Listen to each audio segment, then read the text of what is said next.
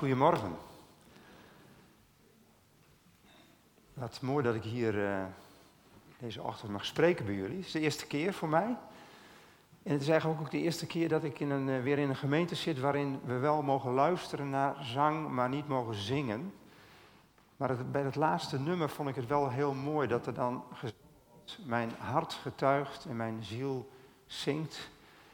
En doordat je dus eigenlijk dat niet mag doen, merkte ik dat het wel mij heel erg vulde. Dat ik dacht van, oh ja, maar mijn hart kan blijven zingen. Dat was in het eerste lied trouwens ook zo. En een ziel kan blijven getuigen, ook op het moment dat ik daar geen woorden aan mag geven. Maar goed, we hopen natuurlijk dat we in de toekomst weer eh, voluit met elkaar kunnen zingen. Mijn naam is uh, Harm Renkema. Um, ik kom uit Stiens, ik zal heel kort iets over mezelf vertellen, want het is natuurlijk altijd wel plezierig dat als je naar iemand staat te luisteren, dat je ook een beetje weet van ja, wie, wie is die man die daarvoor staat. Nou, ik ben gehuwd met Riemke, mijn vrouw, die zit hiervoor.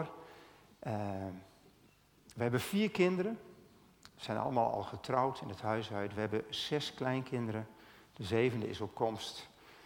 En ik ben in mijn dagelijkse leven ben ik docent en trainer op de hogeschool in AL Stenden. Uh, mag daar sociaal werkers opleiden, maatschappelijk werkers, pedagogen. Uh, ik ben als spreker ben ik, uh, betrokken bij de Vierde Musketier. Dat is een, een, een, mannenbeweging die een paar keer per jaar de bergen ingaat met een groepen mannen. Om daar zichzelf in eerste plaats tegen te komen, maar ook om een ontmoeting zeg maar, te hebben met God en met elkaar. Um, wat kan ik nog meer vertellen? Wij zijn zelf lid van de CLC, voorheen de Solvator, in de Evangelische Gemeente in Leeuwarden. Nou, dat is een beetje mijn achtergrond. Goed, ik ga deze ochtend met jullie spreken over uh, het thema geroepen tot verantwoordelijkheid. En uh, ik zag dat, ik hoorde en ik had het ook op de website gezien, dat volgende week is jullie eerste startzondag. Dus eigenlijk weer het begin van een nieuw seizoen. En een, uh, ik weet niet hoe dat voor jullie is, maar zo'n nieuw seizoen is eigenlijk ook altijd wel een beetje een, een moment van dat je wat terugblikt. De vakantie is vaak een periode van bezinning. En zo'n nieuw seizoen dat je weer vooruit kijkt van hé, hey, wat, wat gaat dit nieuwe seizoen brengen? En uh, hoe gaat God ons weer roepen? En hoe gaat God tot ons spreken in dit nieuwe seizoen? Nou, ik hoop dat de vakantieperiode voor jullie ook echt een periode is geweest van recreatie. En dan in letterlijke zin recreëren, dat je weer wat herschapen bent. En dat zou mooi zijn. Het was wel een hele andere vakantie, denk ik, voor heel veel mensen dan dat je wellicht uh, van tevoren gedacht had. Maar goed, ondanks dat. Voordat ik echt nu ga beginnen met mijn overdenking, wil ik kort nog bidden. Vader in de hemel, ik dank u dat u door ons heen wilt spreken. Heer, ik dank u dat u ons wilt roepen en dat wij daar mogen antwoorden met ons leven. Heer, wilt u door mijn woorden heen werken en wilt u ook de mensen die hier luisteren ontvankelijk maken. Heer, dat de woorden die gesproken worden, dat het ook uh, ja, zaad mag zijn wat goed mag ontkiemen en wat goed mag vallen. Dank u, Heilige Geest, dat u door ons heen werkt, dat u door mij heen werkt. En ik bid u zo om ja, met ons te zijn. In Jezus' naam. Amen. Geroepen om tot verantwoordelijkheid. God roept ons. En dat doet hij eigenlijk al vanaf het begin van de schepping. En gistermiddag schrok ik een beetje, want ik zag ineens, ik zat even op jullie website te kijken en ik zag ineens een preek van, volgens mij een Harry. En dat heette uh, Kom tevoorschijn. En ik dacht, oh nee. En jawel, Genesis zat er ook in, het verhaal van de zondeval. Ik denk, wat nu? Ga ik nu hetzelfde vertellen? Nou, ik heb het even uitgeluisterd en dat viel eigenlijk wel mee, gelukkig maar. Want dat kun je hebben als gastspreker, dat je ergens komt en dat je een verhaal gaat houden wat net een paar weken geleden daar ook al gehouden is.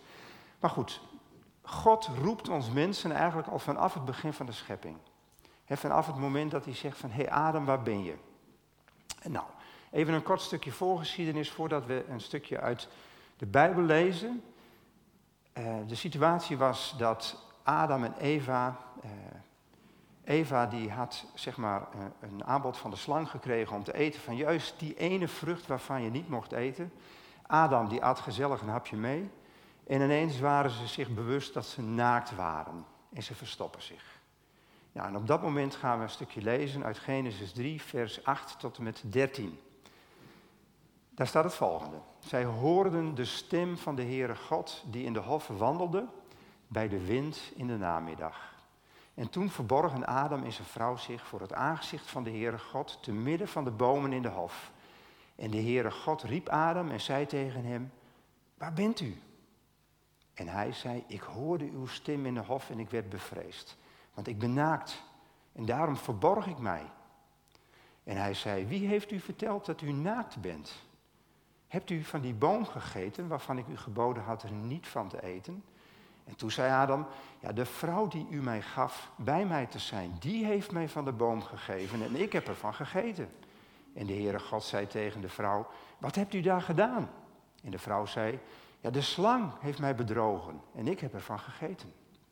Nou, dit is een, wat verdrietige en een, en een beschamende situatie. Een mens, Adam en zijn vrouw, die verstoppen zich. Want ze zijn naakt. En op een bepaald moment horen ze de stem van God op de wind in de namiddag. Dat was nog voordat hij Adam riep. En ik ben daar zo benieuwd eigenlijk wat ze hoorden. Zong God een lied? Neuriede hij een deuntje? Nou ja, hoe dan ook, ze hoorden hem. En dat is heel verdrietig, want de stem, die denk ik tot, tot op dat moment altijd vreugde bij hun opriep, want dat was de stem die hun tot leven had geroepen, die stem, die, daar werden ze bang van en ze verstopten zich tussen de bomen. En dan zegt God, Adam, waar ben je?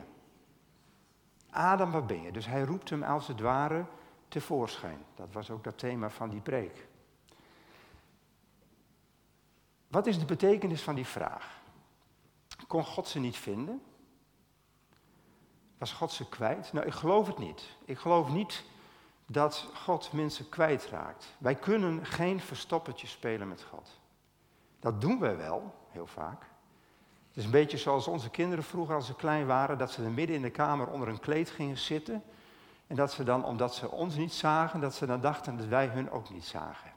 En een, en een beetje goede ouder speelt dat spel mee. Hè? Je struikelt bijna over die bult in de kamer, maar toch zeg je, waar, waar is mijn kindje toch? Van, ik zie hem ergens. Nee, dat God zegt van Adam, waar ben je? Dat was niet omdat God hem kwijt was. God vroeg niet naar de locatie, maar God vroeg naar de relatie. God wou de dialoog met Adam en Eva weer aangaan. Hij roept de mens en hij doet een appel op zijn verantwoordelijkheid.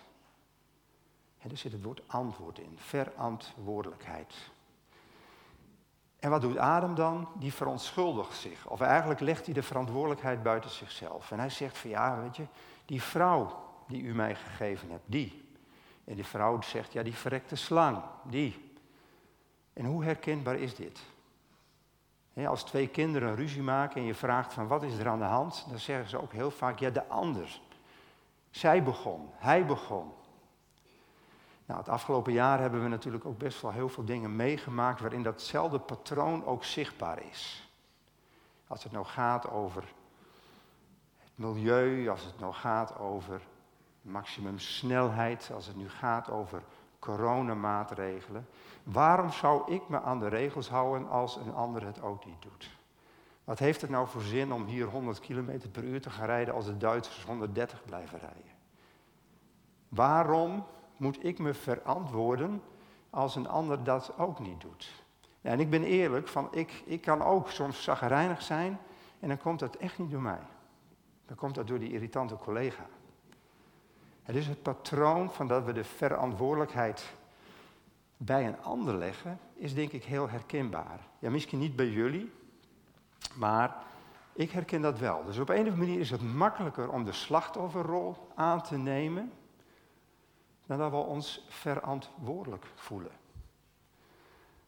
En dan klinkt daar die vraag, Mens, waar ben je? En dat is niet een collectieve vraag, zo van mensheid, waar ben je in het algemeen? Want dan heb je kans dat niemand reageert. Maar het is mens, persoonlijk, waar ben je? Harm, waar ben je? Waar sta je? Waar sta je voor? Waar ga je voor? Mens, waar ben je? Een persoonlijke vraag. En dat is dus ook een persoonlijke vraag die eigenlijk ons uitnodigt om stil te staan. Om even te reflecteren of even na te gaan van hé, hey, waar sta ik? Wie ben ik? Waar sta ik voor? Waar wil ik antwoord op geven? Op de vragen die het leven mij stelt. En heel vaak hebben wij vragen aan het leven. Ik weet niet hoe dat bij jullie is, maar dan gebeuren de dingen. Dan neem nou de afgelopen periode dat je denkt van ja, waarom moeten wij dit nou meemaken? Wat is de zin hiervan? En dan stel je vragen aan God. En dan stel je vragen aan het leven. Maar wellicht dat je die vraag ook om kunt draaien. Dat het leven, of dat God die vraag aan ons stelt. Nu dit gebeurt, welke betekenis ga je eraan geven? Nu, dit, nu je dit meemaakt, welke zin ga jij eraan geven? Nou, je staat nu aan het begin van een nieuw seizoen. En wat ik al zei, dat nodigt uit tot reflectie. Hè, dat je even nadenkt en dat je als het ware kijkt door de vensters, zo noem ik dat dan maar, van de tijd. Je kijkt wat terug. Wat hebben we de afgelopen maanden allemaal gedaan? Wat hebben we niet kunnen doen? En je kijkt vooruit. En je kijkt als het ware door het venster van wat gaat het najaar brengen? Wat gaan we meemaken? En dat je afvraagt, wat gaat het najaar ons brengen? Nou, je zou het ook kunnen omdraaien weer. Wat ga ik meebrengen het najaar in, het nieuwe seizoen in? Urban McManus, dat is een uh, Amerikaanse pastor, die omschrijft het heel mooi. Ik weet niet of het achter hier, ja, daar staat het al. Your destiny, zegt hij, doesn't already exist waiting for you. dus je bestemming ligt niet klaar te wachten op dat jij eraan komt. Het is wel een spannende, want hij zegt nee, your destiny is waiting for you to be created. Hij zei, jouw bestemming wacht erop dat jij het gaat creëren. Dat jij vorm gaat geven. Dus het is niet zo, wat gaat het komende seizoen ons brengen? Nee, wat gaan wij het komende seizoen brengen? wat, wat, en hoe ga jij verantwoorden? Dus wat is jouw antwoord op de vraag van, hé hey joh, waar ben je? Waar sta je? Nou, even een stukje terug. Die eerste vraag, mens, waar ben je? Die in het Hebreeuws, wat dat eigenlijk is, dat één woord. Ayeka. In het Hebreeuws lees je van, uh, van rechts naar links. En dan is de, de, uh, de laatste letter is de hij. Nou, ik zag hem hier ook al op die banier. Daar staat hij ook een aantal keren. De hij, de letter H. En de letter H heeft, heeft in het Hebreeuws, zoals heel veel letters in het Hebreeuws, heeft een diepere betekenis. De letter hij betekent onder andere zien. En het betekent ook venster. dus een venster waar je doorheen kunt kijken. En God zegt dus eigenlijk van, hé hey Adam, ik wil je zien. Waar ben je? Ik wil je zien. Verberg je niet voor mij. Nou, het kenmerkend van een venster, ik kijk hier door die ramen zo, een kenmerkend voor een venster is dat het de ene wereld met de andere wereld verbindt. Als je binnen bent kun je naar buiten kijken en als je buiten bent kun je naar binnen kijken. Maar door de zondeval was het venster tussen God en de mens was gesloten geraakt. Was misschien wel besmeurd of er waren luiken voorgekomen. En het was dicht. En op het moment dat dat het venster tussen God en ons dicht gaat door de zonde, dan is daar de stem van God. Die zegt, mens, waar ben je? Ik wil de dialoog weer met je aangaan, ik wil met je in gesprek. Mens, waar ben je? En hoe kunnen we daar nou op reageren? Adam, die reageerde wel, maar die nam niet zijn verantwoordelijkheid. Die legde de schuld bij de ander neer. Dat is kenmerkend. Je kunt je soms schuldig voelen, maar dat is iets anders dan je verantwoordelijk voelen. Nou, in de Bijbel zien we een aantal keren dat mensen adequaat reageren op de vraag: mens, waar ben je?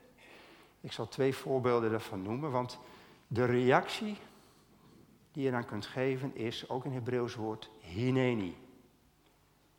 zie, hier ben ik. En dat begint dus met de letter hij. Weer dat venster, er zit als het ware ook in die letter hij zit ook zo'n soort raampje hè, waar je doorheen kunt kijken. Nou, onder andere bij Abraham. Abraham, die leefde dicht bij God. En in Genesis 22, vers 1 lezen we bijvoorbeeld dat Abraham op de proef gesteld wordt. Daar staat, het gebeurde na deze dingen dat God Abraham op de proef stelde en, dat hij tegen, en zei tegen hem, Abraham, dus hij riep hem als het ware. Hij zei, waar ben je? En Abraham zegt, Hineni, zie, hier ben ik. Ontvankelijk. Ik ben beschikbaar. Ik wil doen wat u mij zegt. En we kennen dit verhaal natuurlijk, want dit was het moment dat Abraham eigenlijk geroepen werd om het onmogelijke te doen. Om zijn zoon te offeren. En ik weet nog dat ik als kind, mijn vader las dan vroeger na het eten aan tafel uit de Bijbel. En dan één keer, of een paar keer per jaar of zo, dan kwam dit verhaal voorbij. En je kunt je afvragen of het verantwoord is om dit verhaal te lezen met kinderen. Maar goed, dat, dat deed hij wel. En ik was, iedere keer vond ik het weer spannend. Ondanks dat ik wist dat het goed zou aflopen, maar ik denk, ja, stel je voor dat het dit keer niet goed afloopt. Maar Abraham zei, zie, hier ben ik. En gelukkig toen de engel, toen God via de engel tot hem sprak, toen zei Adam ook weer van, Abraham ook weer van, zie, hier ben ik. De engel riep wel twee keer, ik denk, ja, voor de zekerheid, stel je voor dat hij toen niet goed luisterde.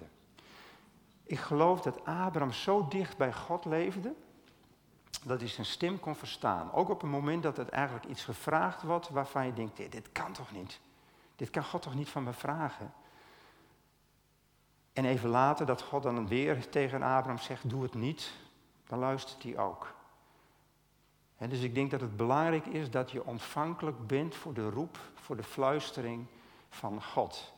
En ik denk dat God tot ons spreekt, steeds weer opnieuw. Alleen dan is het belangrijk dat je dus wakker bent, dat je alert bent. Ik vergelijk het wel eens met bijvoorbeeld de relatie die ik met Riemke heb.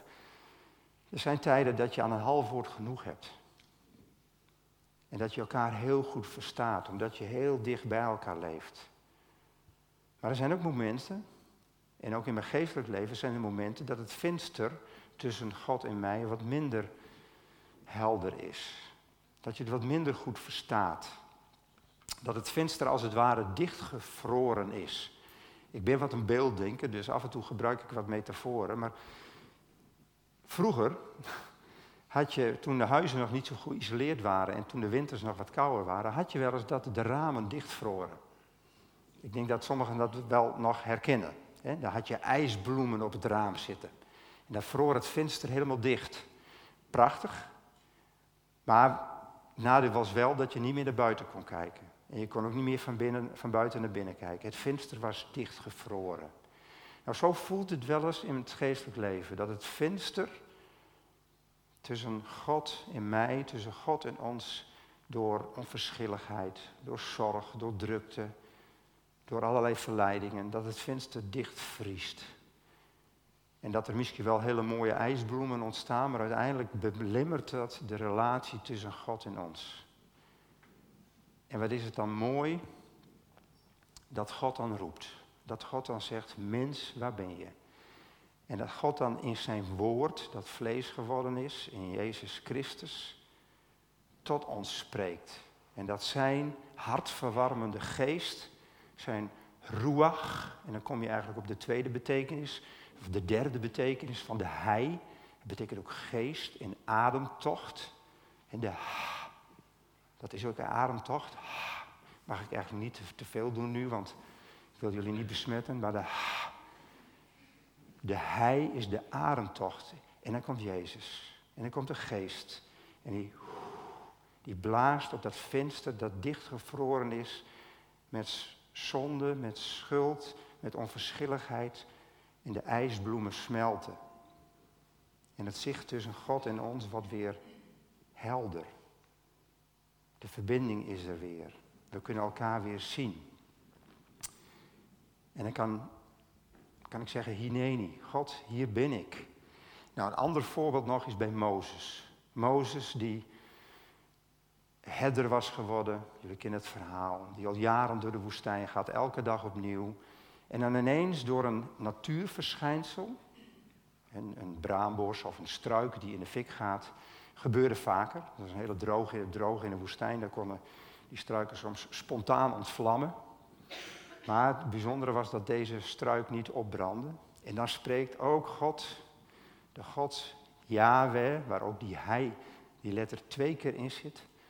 Daar spreekt die God tot Mozes en dan ook dan zegt Mozes, Hineni, zie hier ben ik. God roept in het alledaagse. Hij roept op een bijzondere wijze en op een onverwachte wijze, maar wel vaak is het vermomd in het alledaagse. Ik kwam dat ook in een spreuk tegen, die zei de sacred moments, de heilige momenten, de moments of miracle are often the everyday moments. vaak zijn die hele bijzondere momenten, die bijzondere ontmoetingen, dat God tot je spreekt, gewoon in alledaagse momenten. Mozes was gewoon herder in die weiden zijn schapen. Maar misschien gewoon spreekt God tot je op het moment dat je misschien wel iets dierbaars moet loslaten. Of het moment dat je je rot voelt. Op het moment dat je geniet van de natuur. Op het moment dat, je, eh, dat een naaste een appel op je doet. Op het moment dat een vreemde misschien iets van je verwacht. Allemaal momenten waarop God zegt, mens, waar ben je? Mens, waar sta je? Mens, waar sta je voor? Nou, even een lang citaat van een Jonathan Sacks. Maar ik vond hem zo treffend, ik vond hem zo mooi als het gaat over verantwoordelijkheid. Het is een, een Joodse rabbijn. Dat is eigenlijk een dubbele opmerking, want rabbijnen zijn over het algemeen Joods. Maar goed, een rabbijn, een opperrabbijn, Jonathan Sacks, en die zei het volgende. God gebiedt in algemeenheden, de tien geboden, maar hij roept in bijzonderheden. Dat is altijd persoonlijk. Hij kent onze talenten en hij kent de noden van de wereld. Daarom zijn we hier. Er is een daad die alleen wij kunnen verrichten en alleen op dit moment. En dat is onze opdracht. En de optelsom van die opdrachten is de zin van ons leven. En de bedoeling van ons bestaan. Het verhaal dat wij geroepen zijn te schrijven. Gods oproep, zijn appel is bijna niet te horen. Het is de stem van een zachte stilte die wij alleen kunnen horen als we luisteren. Maar Hij is er. En als wij op gezette tijden in ons leven een stilte in de ziel creëren, zullen we Hem horen. Vond het zo'n prachtig citaat, dat als wij op gezette tijden een stilte in de ziel creëren, momenten van gebed, momenten van bijbellezen, stille tijd, stil zijn, Weet je, er is geen leven zonder opdracht. Er is geen mens zonder talent. Er is geen situatie met de mogelijkheid om het bijzondere te doen. En wij kunnen met Abraham en met Mozes en met anderen zeggen, hineni. Zie, hier ben ik. Niet morgen, niet gisteren, maar nu. Zie, hier ben ik. Beschikbaar, ontvankelijk. Ik voel me verantwoordelijk om een stukje van de gebroken wereld heel te maken. En betekent dat dat je dat op een perfecte manier moet doen? Is dat dan verantwoordelijk? Nee, dat denk ik niet. Niemand is perfect behalve God. Het is niet onverantwoord om de dingen niet helemaal goed te doen. Het is wel onverantwoord om het goede helemaal niet te doen. En je kunt soms op een perfecte manier niks doen. Maar je kunt beter op een ja, wat, wat beperkte manier iets doen. Goed, tot slot. Hineni, zie hier ben ik, is ons antwoord op God. Maar het is ook andersom. In Jesaja hoofdstuk 58, vers 9. Jesaja hoofdstuk 58 zou ik echt aanbevelen om eens te lezen als het gaat over verantwoordelijk leven. Dat is een hoofdstuk wat vol staat met over recht en over gerechtigheid en over hoe je de naaste kunt dienen, hoe je God kunt dienen. Dus lees dat hoofdstuk gewoon eens voor jezelf. En dan staat er in vers 9, daar staat van, dan zult u roepen, dat zijn wij, en de Heer zal antwoorden. En dan zult u om hulp roepen en dan zal hij zeggen, zie, hier ben ik. En dat is weer dat woord hineni. Zie, hier ben ik. Jezus is zowel hineni naar God toe, dat hij zegt van, uh, uw wil geschieden. Maar Jezus is ook hineni naar ons toe, als hij zegt, en zie, ik ben met jullie alle dagen tot de voleinding van de wereld. Jezus is God met ons. Jezus is het venster waardoor God en mensen weer met elkaar verbonden zijn. Herman noemde het ook al aan het begin. Jezus is degene die ervoor zorgt dat de kille, koude ijsbloemen van zonde smelten. Jezus is degene die de luiken waar wij achter verstopt gaan soms openbreekt. Jezus is degene die zegt van, hé hey mens, waar ben je? En die de boel openzet en die je uitnodigt om als het ware in het licht, vanuit de schaduwen, in het licht met Hem te dansen. Jezus is het venster. Door Jezus kunnen wij God zien en door hetzelfde venster ziet God met grote liefde naar ons. Dus Jezus is Hineni, zowel naar God als naar ons. We hebben een heel nieuw seizoen. Jullie hebben een nieuw seizoen voor je. Met allerlei mogelijkheden en kansen. Waarin we ook elke dag opnieuw Gods roep kunnen horen. Hé hey mens, waar ben je? En vul je eigen naam erin. En telkens weer, elke dag opnieuw, mag je met Hineni reageren. Zie, hier ben ik. Met mijn talenten, met mijn kwaliteiten. Wetend dat u, Heer, mij wilt ontmoeten op de plek waar ik ben. En dat u mij zult brengen op de plek waar u wilt dat ik zal zijn. Zie, hier ben ik.